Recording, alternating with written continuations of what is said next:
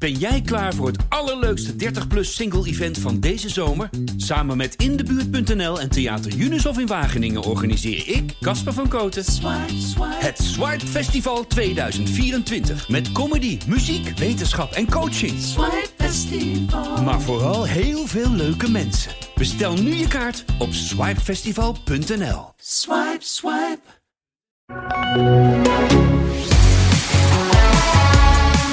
Voor het eerste race in Qatar en na 57 ronden klonk er geen Wilhelmus, maar het Britse volkslied voor Lewis Hamilton. Een raceweekend met gele vlaggen, gridstraffen, klapbanden en de strijd om de snelste ronde. En dan ook nog een oude vos op het podium na 7 jaar.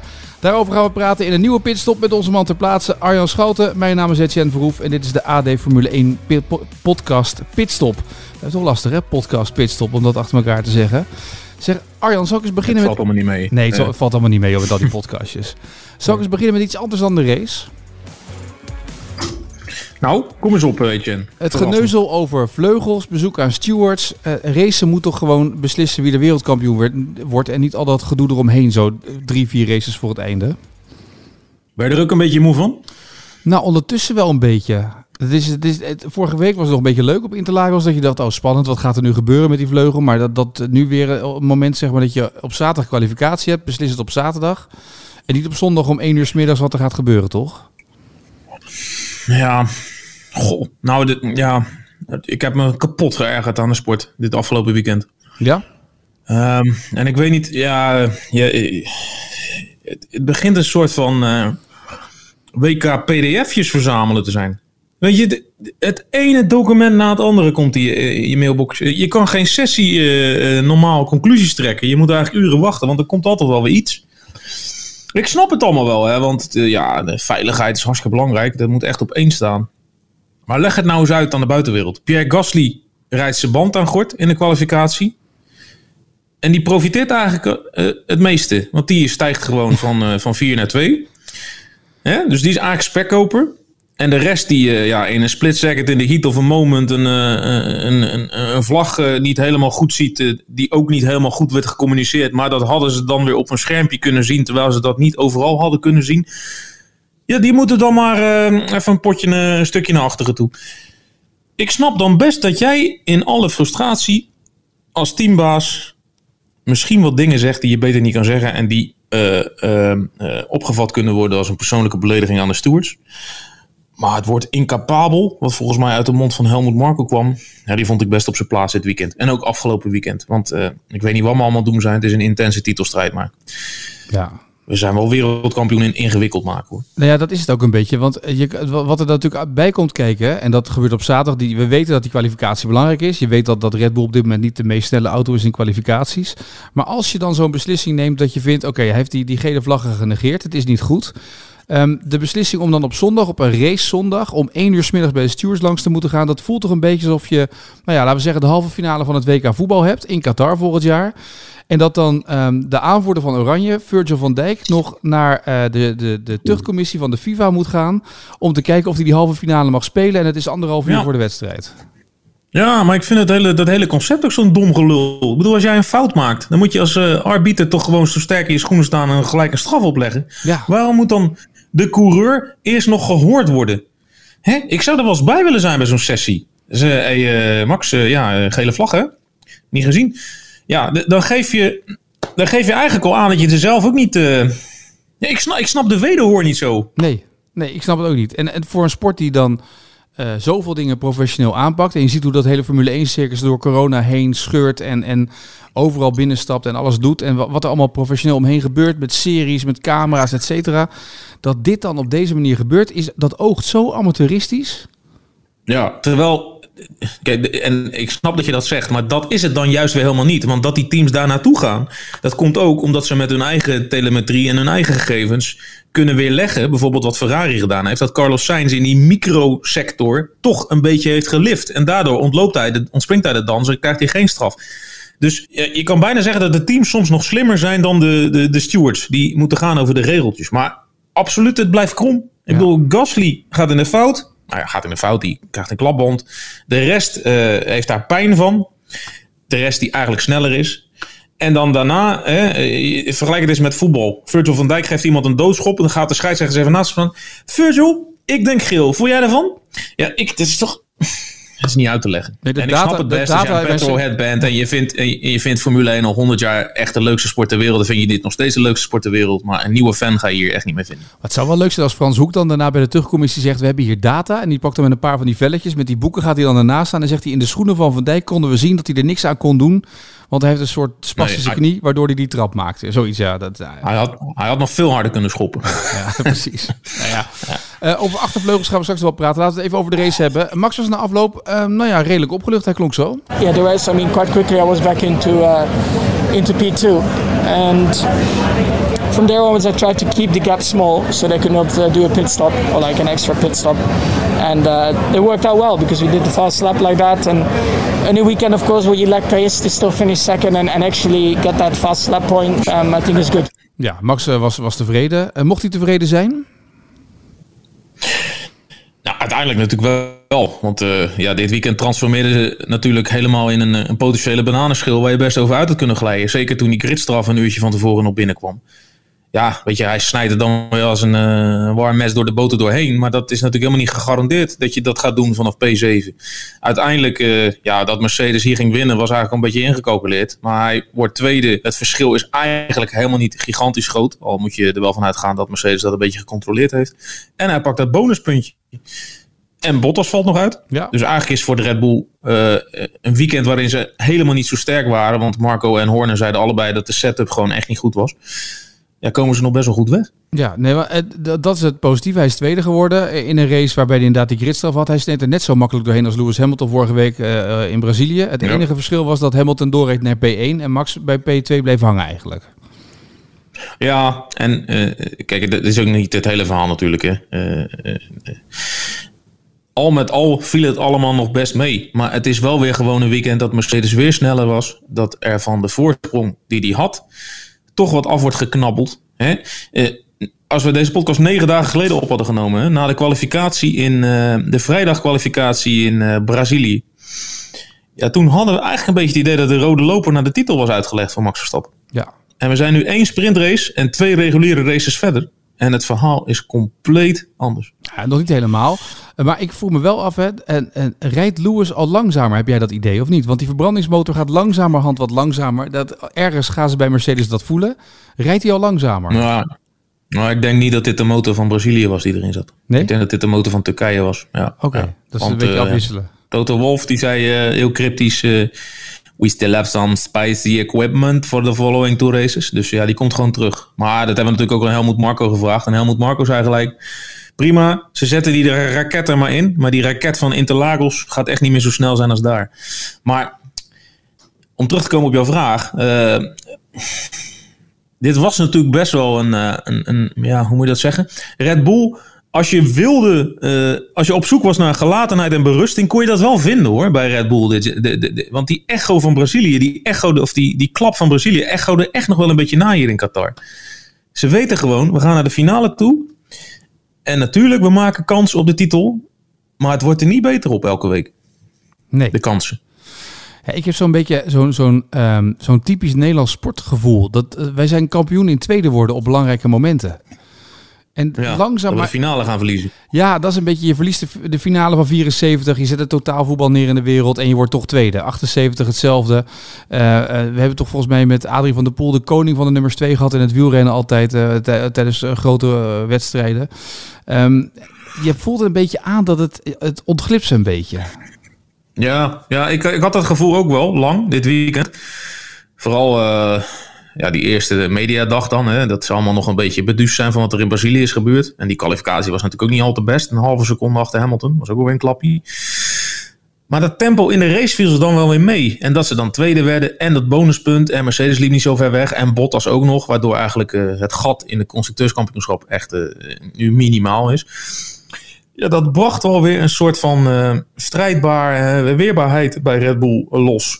En als je na de race in die paddock met, met de hotshots van Red Bull sprak, dan, ja, dan was het verhaal heel simpel. Ehm, we hadden natuurlijk een groter gat gehad als we alle punten hadden gepakt die we hadden moeten pakken hè, dit jaar. De bekende verhalen, Silverstone, Budapest, Baku, waar die uitgevallen is. Helmut Marco zei zelfs, dan waren we eigenlijk al wereldkampioen geweest. Ja, dat is een, een beetje een als en een dan. Wat als, ja, eigenlijk heeft hij best gelijk. Ja. Maar ehm, het feit is, er zijn nog twee races. En puur op papier staat Red Bull er nog steeds het beste voor. Acht punten voorsprong. Ehm, alles, alles is nog speelbaar. Dus ik snap wel dat ze zo denken. Nou ja, eh, Max hoeft maar één race te winnen eigenlijk. En tweede te worden in die tweede race. En dat doen ze steeds. Ehm, tenminste, die race winnen of in ieder geval tweede worden. En eh, Hamilton moet twee races winnen om wereldkampioen te worden. Dus het is een vrij simpel rekensommetje. Je hebt het nog in eigen hand. Ja, maar in dit scenario ga je er wel elke keer voor het gemak vanuit dat ze 1 en 2 worden. Dus- Ja, nee, maar dat zie je. Maar luister, kijk nou naar deze race. Nou heeft Bottas dezelfde heeft ook een gridstraf gekregen. Die staat nog voor eh, Verstappen in dit geval op de grid. Ja. Waar, waar, waar reed Ja. Bottas op een gegeven moment na een rondje 10-11? En waar reed Verstappen? Dus Verstappen reed op Ja, maar ik P2. ga, nu iets, Ja? ik ga nu iets heel lulligs zeggen. Maar ik ging eh, zaterdagavond na de kwalificatie heel laat uit eten. Ik ga me hier niet bij naam noemen, maar een bepaalde coureur en zijn vriendin gingen die avond ook uit eten. Dus, eh, Oh. In dezelfde gelegenheid wou je zeggen. Nou ja, ergens eronder. Maar ik begrijp wel dat ze bij Mercedes zeggen dat hij heel relaxed in zijn vel zit. Nu die weet dat hij weg is. Eh, maar dat relaxed, eh, ja, dat, dat vertaalt zich niet altijd in hele goede resultaten. De Toto Wolf kwam zelfs op de boordradio Ja? na een rondje of 15. Bal 3, gas geven. We hebben de punten nodig. Ja. Hij is is gewoon niet meer zo goed. Nee, dus da- daarvoor zeg ik. Dus dan is plek. Want er is niemand anders die natuurlijk daar nog op plek 2 kan komen. Dat zie je ook in de races, toch? Ik bedoel, Gasly eh, vertrekt op P2, eindigt uiteindelijk P11. Door allerlei gedoe. Er is niemand die er echt aan kan tippen, toch? Aan Verstappen en Hamilton. Nee, nee, nee, nee, nee. Maar ja, goed. eh, dat is helemaal waar. En voor het gemak gaan we daar ook vanuit. En iedereen gelooft ook dat het naar Abu Dhabi gaat. Maar laten we niet vergeten, eh, Bottas heeft een klapband uit het niets. Omdat ze iets te lang doorgaan op dat nieuwe asfalt waar ze geen weet van hebben. Volgens mij zijn we over twee weken op een circuit waar we ook nog nooit zijn geweest. Waar de topsnelheden duizelingwekkend gaan zijn. Hoe gaan de banden daarop reageren? Ja, als die band van Bottas kan klappen, kan de band van Hamilton ook klappen. En ik hoef jou niet uit te leggen wat er dan gebeurt als Verstappen wint. Dan, eh, Ja. Dan gaat die special die eh, onze chef al een maandag gepland heeft gewoon mee hoor. De maandag daarna. Dan is gaat hij mee, ja. Dan is die. de- Nou, trouwens, nog steeds. Ik zat net even te kijken op de site, want we hebben in een van jouw artikelen ook een poll staan, of in al die artikelen geloof ik, want je hebt het tegen geschreven nu. Eh poll op de site. denken de mensen? Nou ja, ruim 20.000 mensen hebben gestemd. Wordt Max wereldkampioen, ja of nee? Eh 55% denkt dat Max wereldkampioen wordt en 45% denkt dat Lewis Hamilton wereldkampioen wordt. Ja. Ja, we hebben ook aan Marco even gevraagd. Wat, wat zijn nou de kansen? 50-50, 60-40, 50-50, eh 100-0. Ja, eh, Marco eh, die waagt zich allemaal niet aan. Hij zegt eh, elke keer maar één ding. We moeten er gewoon één winnen en dan komt het allemaal wel goed. Dus in die zin eh, zit je helemaal in lijn met Helmut Marko. Nee, maar Helmut Marko... En Jos zegt dat ook. Ja, En Christian Horner zegt het ook. maar die hebben allemaal naar Dus, pitstop eh, gekeken. ja. Je hebt het allemaal keurig uitgerekend de afgelopen week. Je hebt het hele statistiekenlijstje erbij gepakt. Ja, maar zij ook. En eh, Ja. ja. Ja, weet je, het kan gewoon. En laten we daar ons maar aan vasthouden. Hè, dan gaan we nu even de chauvinist uithangen. Maar wat Red Bull natuurlijk ook altijd zegt, en dat zei Jos Verstappen vandaag ook tegen mij. De positie waar je nu in bent, hè, stel je het eens voor. Het is diep in de finale van een seizoen. Nog twee races en je staat voor. Daar zou je toch normaal gesproken blind voor tekenen. En nu gaan we net doen of dat het eh, een beetje allemaal wegloopt bij Max Verstappen. Ja, Ja. Ja, maar dat is toch een beetje de onzekerheid die je dan toch ziet, omdat die Hamilton toch weer 10 seconden voorrijdt op een gegeven moment, of 8 seconden voorrijdt, en dat je ook niet dichterbij komt. Dat is het een beetje. En, en, bedoel, en Hamilton na afloop van de race, ook eh, bij de Formule 1-camera's, eh, heel opgelucht en positief eigenlijk naar buiten kwam. We've been strong, so I'm excited for these next two races. I think we've got a car, and if we can get the car in a good place in these next two, I think we should be really strong. Die, die is vol vertrouwen ineens weer. Dat, dat doodgeslagen vogeltje is niet meer. Nee, nou, ik vind het mooi dat je deze quote hebt, want dat was ook zo'n beetje het enige wat hij zei in de afloop. Dat, eh, Ja, klopt. hij was, eh, ja, nee, maar hij was eh, eh, inderdaad vol vertrouwen, maar het lijkt wel of dat hij, eh, hij wil niet meer lullen. Eh, de ruis is allemaal weg, het, eh, alleen maar gas geven. En Ja. Toto Wolf die zei eh, in Brazilië daar, hè, met die tegenslag, is, eh, is de leeuw in hem ontwaakt. Hij is weer eh, brutaal, koelbloedig. En hij heeft zijn superhero powers terug. Nou, Etienne, hè? Ja, ik wist niet dat Lewis Hamilton, en dat binnenkort komt Marvel met een nieuwe serie, denk ik, Lewis, of niet? Ja. Wat, zou die, wat, wat noem jij een goede naam voor? I still rise? Still I rise? ja, dat is meer een slogan, hè? Dat is een slogan, ja. The Rise Man wordt het dan of zoiets.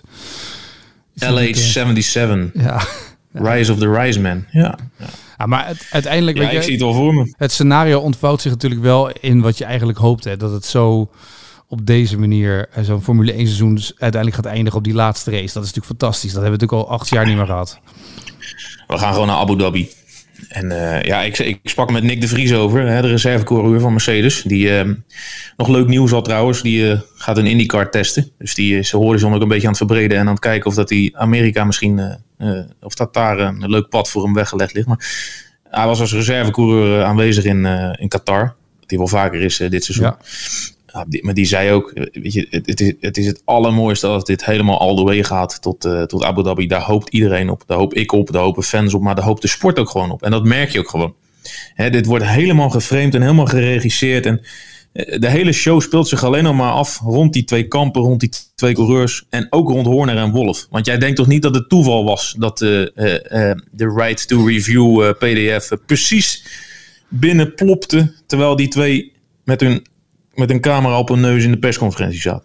Nou, ik moest wel heel erg lachen dat jij, uh, je had de, de voorbeschouwing op donderdag of zo, ik zag jouw tweet voorbij komen. Er werd dan bekendgemaakt wie op welk moment in de, de, de perszaal uh, zou zitten. En ik geloof, ja. jij zei, Vasseur zat met wie? dat wordt een spannende. Je zei dat wordt vuurwerk, maar het ging natuurlijk om Toto Wolff en Chris Horner. Ja, natuurlijk. Maar ja, het was, ja. het is... Ja, het gaat. Ja, maar ze doen net alsof wij een stel debiele kinderen zijn. Maar iedereen snapt natuurlijk wel. Als jij zo lang blijft wachten met iets wat helemaal niet zo ingewikkeld is ja, dan, dan zit daar gewoon een, een doel achter. Maar zou het ook zo En kunnen zijn... even- hangen. ja, maar dat gezegd hebben, wat jij nu zegt, hè. Zou ehm, de... eh, want we hebben natuurlijk afgelopen week in Pitstop een beetje gehad over eh, Toto Wolf en hoe eng die is en dat soort dingen allemaal. Je kan ook zeggen, Toto Wolf heeft eh scheidt aan onze mening. Dat denk ik wel trouwens dat hij dat heeft. En die speelt dit spel fantastisch mee. Omdat hij weet dat hoe beter dit spel gespeeld wordt, hoe meer miljoenen er verdiend kunnen worden. En, en die denkt met- met Chris Horner samen, laten we het maar even meedoen, dit spelletje. Want de, de kijkers smullen hiervan. Ja, nou daar geloof ik niet zo in. Maar kijk, wat zij doen is natuurlijk altijd een soort van spel. Maar ik bedoel meer dat de sport eh, als... als Ja. eh, eh, ja, dit, weet je, dit, zo, zo'n uitspraak die we allemaal al, al, nou in, in dit geval gewoon uren, dagen aan zagen komen. Dat wordt dan opgespaard eh, totdat zij ergens voor de camera zitten. En dan moet je je voorstellen, dan zit er een interviewer van Formule 1. En die zegt dan, oh, by the way, eh, het plopt net binnen. Toto, dat hij zich niet kan voorbereiden. Toto, eh rijdt de review afgewezen. Wat vind je ervan? En dan bam, moet hij gelijk reageren. Ja, dit- er zit natuurlijk een gedachte achter. Het is gewoon marketing. Dit hele circus moet gewoon verkocht worden. Net als dat voetbal van jou en dat golf. Dit is gewoon, eh, hè, dit moet gewoon de wereld in. Ja, En dat werkt gewoon het beste als je pure emotie op tv kan laten zien. Ja dat is waar. Ook naast het asfalt. Eh, pure emotie hadden we trouwens ook op het podium vandaag. After seven years waiting for a, for a podium, uh, it was it was tough. Sometimes you go up and down on your career, and uh, you need to keep up and never give up, and show some determination, some dedication to the sport. Dit was toch wel mooi voor de sport, toch? Dat een man van 42 even op het podium stapt met een P3, met een, met een Alpine. 40 hè? Even normaal. Ja, sorry, 40. Ja, ik zou Abba opzetten hoor, Fernando. Vind je niet? Dit is toch fantastisch, man. ik, eh, ja, ik had het niet helemaal meer verwacht. En hij volgens mij ook niet. Nee. Alhoewel, Fernando Alonso verwacht dat het alle, want die denkt ook nog steeds dat hij volgend jaar wereldkampioen wordt. Eh, ja, ik vind het echt prachtig dat je op je veertigste, dat je alles al meegemaakt hebt. Dat je, eh, nou echt een carrière geleden is hij twee keer wereldkampioen geworden. Daarna is hij nog eens derde geworden. Drie keer tweede volgens mij namens Ferrari. Eh, twee jaar uit geweest waarin hij heeft laten zien eh, eh, dat hij alles met eh, vier wielen en een stuur tot in de puntjes beheerst. Dakar gedaan, Le Mans gewonnen, Daytona gewonnen. Indy 500 dan niet. Ehm, maar dat hij dan terugkomt en dat hij dan nog zo ongelooflijk blij kan zijn met een podium. Waar hij, ik heb het even opgezocht, hij had er al 97 keer eerder op gestaan. Dus echt nieuw was het niet natuurlijk. Nee, dat is niet de eerste keer, nee. Toch, dat is toch schitterend, of niet? Ja. Ik vind dat prachtig. Ja, maar ook dat je nog die boodschap er op het einde meegeeft. Dat het, ja, weet je, je moet gewoon altijd voor die sport blijven gaan en erin geloven. En ah, dat is toch schitterend. Ik vind dat mooi. Ja, hij zei ja, zo'n carrière in de Formule 1 heeft, ja, dat heeft natuurlijk altijd up en downs. Dus ik heb er altijd wel in geloofd. Maar deze duurde wel heel lang, zei hij. Zeven jaar. ja, vind ik mooi. Ja, dat was toch wel ook een klein hoogtepuntje. Ik vond de boordradio van hem ook super mooi. Dat hij op een gegeven moment zei dat Ocon maar even zo lang mogelijk Perez achter hem moest houden. Dat hij een beetje ervoor moest vechten. Die boordradio kwam en het volgende rondje, hup, was Perez er zo langs, zeg maar. Dat was ook weer de andere kant, hè? Ja, ja, maar het is ook... Ocon wordt volgens mij vijfde. Ehm, het is natuurlijk ook echt aan het einde van zo'n seizoen, waar wij, waarin wij natuurlijk heel erg focussen op, uh, op Mercedes en Red Bull vanwege Max. En dat is ook heel erg terecht, dat moeten wij ook doen. Daarvoor bestaan wij ook. Maar ja, ja het feit dat zo'n Alpine, wat, wat natuurlijk eigenlijk gewoon een soort van Renault is, uh, dat dat zo'n dat zo'n gigant dan aan het einde van het seizoen toch nog een beetje boven komt drijven. Dat geeft wel hoop richting volgend jaar. Hè, met die regelwijzigingen. Hoe mooi zou het zijn als een Renault en bijvoorbeeld een Ferrari eh, zich bij McLaren voeren en echt tegen die top aan gaan schurken. Ja, ik, eh, de cynische ik in mij eh, zegt dat de, de beste teams straks ook weer gewoon de beste teams zijn. Maar ja, we hebben er nu van geproefd hoe mooi het is aan de voorkant dat er twee verschillende kleuren tegen elkaar vechten. Hoe gaaf zou het zijn als dat er vijf zijn straks? Dat, dat wil je. Dat is, dat is uiteindelijk wat je wil, toch? Dat het echt een strijd wordt tussen meerdere teams. Maar ja, dat zal misschien nog even wat langer op zich laten wachten. Toch? Want je staat niet gelijk aan de top zoals uh, al die teams. Red Bull heeft er ook lang over gedaan. Ja, maar ja, er wordt allemaal zo'n soort nulpunt gezien volgend jaar. Maar ja, ik, ik geloof gewoon niet dat, dat alles opnieuw uitgevonden wordt. Daar, daar geloof ik niet zo in. Ik denk dat je de bepaalde kennis van nu ook wel meeneemt naar dat het niet zo rigoureus anders is. Maar ja, misschien heb ik er daar niet genoeg technische kaas van gegeten. En moeten we daar hele andere podcasts voor gaan beluisteren. Maar ik hoop het wel. lijkt me fantastisch. Wat ga je volgend weekend eigenlijk doen? Nou, mijn dochter is jarig. Dus oh, komt goed uit. Dat komt ik goed heb uit. De, de, Formule 1 kalender, uh, ja, die uh, heb ik met gejuich ontvangen. Want ik zag 27 november. ja, ja, maar het is nog even... Dus, ja, vier zo... gasten mag je uitnodigen, denk ik. nou, kan je Max, Louis, Toto en Christian kan je uitnodigen. Ah, alsjeblieft niet. Nee, dat nee. wens ik hun niet toe. En, en mij ook niet, jongen. Die, die, die, die, nee, Formule 1, even, even, even niet. Gewoon, hup. Even eruit. En dan mag Rick naar Saudi-Arabië. En dan, uh, ja, Rick was al heel bang dat het daar beslist werd. En uh, dat ik dan de titel mis. Dat vindt hij dan vervelend voor mij. Maar uh, nee, die wordt die daar we gaan gewoon met z'n tweeën naar Abu Dhabi hoor. Ik denk ook dat, denk dat het daar beslist wordt. Um, want het is ja. inderdaad een weekje rust. En Saudi-Arabië hebben we nog genoeg over te ontdekken. Want dat circuit is ook volgens mij net helemaal nieuw, toch? Wat ze daar hebben aangelegd. Nou, dat was wel mooi. Uh, dit weekend in Qatar. Want het, ene gerucht na het andere uh, kwam naar boven. Hè, dat het, dat het niet, niet op tijd af was. En dat we misschien wel twee keer in Abu Dhabi gingen rijden. Of een keer in Bahrein en Abu Dhabi. Ik heb het allemaal gelezen. En toen je het zo'n beetje allemaal tot je had kunnen nemen, kwam er opeens een uh, jubelend persbericht uit uh, Saudi-Arabië. Ja, het is zo goed als af. En uh, nou ja, er zaten ook foto's bij. Ik, ik sprak wat collega's die er nog geen drie weken geleden zijn geweest. En een wereld van verschil. Maar er stond, er stond wel bij, en vond ik wel mooi, ook aangaande de hele discussie die in Qatar speelt. Ja. Er stond wel bij dat er dat uh, volgens alle voorschriften aan gewerkt is. Uh, geen gewonden bij zijn gevallen. Alle veiligheidsprotocollen in acht zijn genomen. Dus ze dekken zich uh, gelijk in in die zin. Dus. Dat is waar. Nou, ik ben heel benieuwd. Goed, uh, weekje terug naar Nederland. Weekje even geen Formule 1. Even een weekend geen Formule 1. En dan gaan we naar de apotheose van dit seizoen. Nog twee races. Ja, mooi hè? Ja, het, is, het, het, het, wordt, het wordt heel spannend. Ik ben heel benieuwd hoe het gaat eindigen. Wij gaan over twee weken weer rustig voorbeschouwen op Saudi-Arabië. Ja, wat wil je zeggen? Ik zie je daar, ja. Wil, wil, je nog, wil, je nog, wil jij misschien nog weten wat het mooiste WK-stadion is? Jij als voetbalman. Ik heb ze allemaal gezien, hè, Qatar. Oh, nou, geef het zeker even mee. Wat is het mooiste stadion? Allereerst, het is hier één grote colerenzooi. Ja. Elke weg die ze hier hebben ligt open. Want elke boulevard moet natuurlijk opnieuw aangelegd worden, gepolijst. Uh, hè? Het is een showcase, de wereld kijkt straks. Het moet af zijn. Komt allemaal goed, ben ik niet bang voor. Daar is het Qatar voor. Maar um, het Khalifa Stadium, het, volgens mij het enige stadion wat er echt al lang staat, want het staat al sinds 76, naast de Torch Tower, die is mooi. Die is verbouwd. Uh, volgens mij is de Coppa Italia er ook al eens geweest. Het stadion waar de finale wordt gespeeld daarentegen. Vind je niet zo mooi, hè? Lijkt enorm op een IKEA-mand. Ja. Ik heb de, de, de, de foto naast elkaar getwitterd. Het is niet normaal, de gelijkenis. Maar goed, in Rotterdam laten ze zich ook inspireren door een schaaltje. Dus, ik, dus ik vind ook, zeg maar, als het dan toch allemaal door de IKEA geïnspireerd is, dat kan makkelijk, toch? Een beetje Zweedsbloed in, ja. uh, kan, kan niet missen in Qatar. Maar doet Zweden mee aan het WK eigenlijk? Uh, nee, nee, nee. Slatan heeft het allemaal niet gered. Ze moeten volgens, dus dat, uh, dat wordt lastig. Nou ja, goed, gaan we daar wel over hebben. Hey, ik wens je een goede terugreis. En uh, wij gaan uh, ja, dankjewel. vrolijk vooruitblikken de komende weken nog op dat wat gaat komen in Saudi-Arabië. Arjan Schouten, dank. En uh, tot de volgende pitstop. Yes.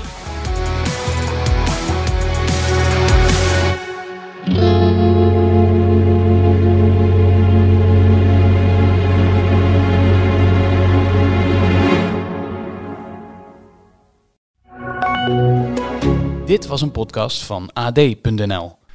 Alle afleveringen vind je in de AD-app. Hou je van hardlopen? Luister dan naar onze podcast De Pacer, waarin Erik Brommert en ik, Pim Bel, vertellen over die mooie sport. We geven tips en nodigen interessante gasten uit. Luister op de site van het AD of via Spotify of Apple Podcast. Ben jij klaar voor het allerleukste 30-plus single-event van deze zomer? Samen met Indebuurt.nl en Theater Junushof in Wageningen organiseer ik, Casper van Koten, het Swipe Festival 2024. Met comedy, muziek, wetenschap en coaching. Maar vooral heel veel leuke mensen. Bestel nu je kaart op swipefestival.nl. Swipe, swipe.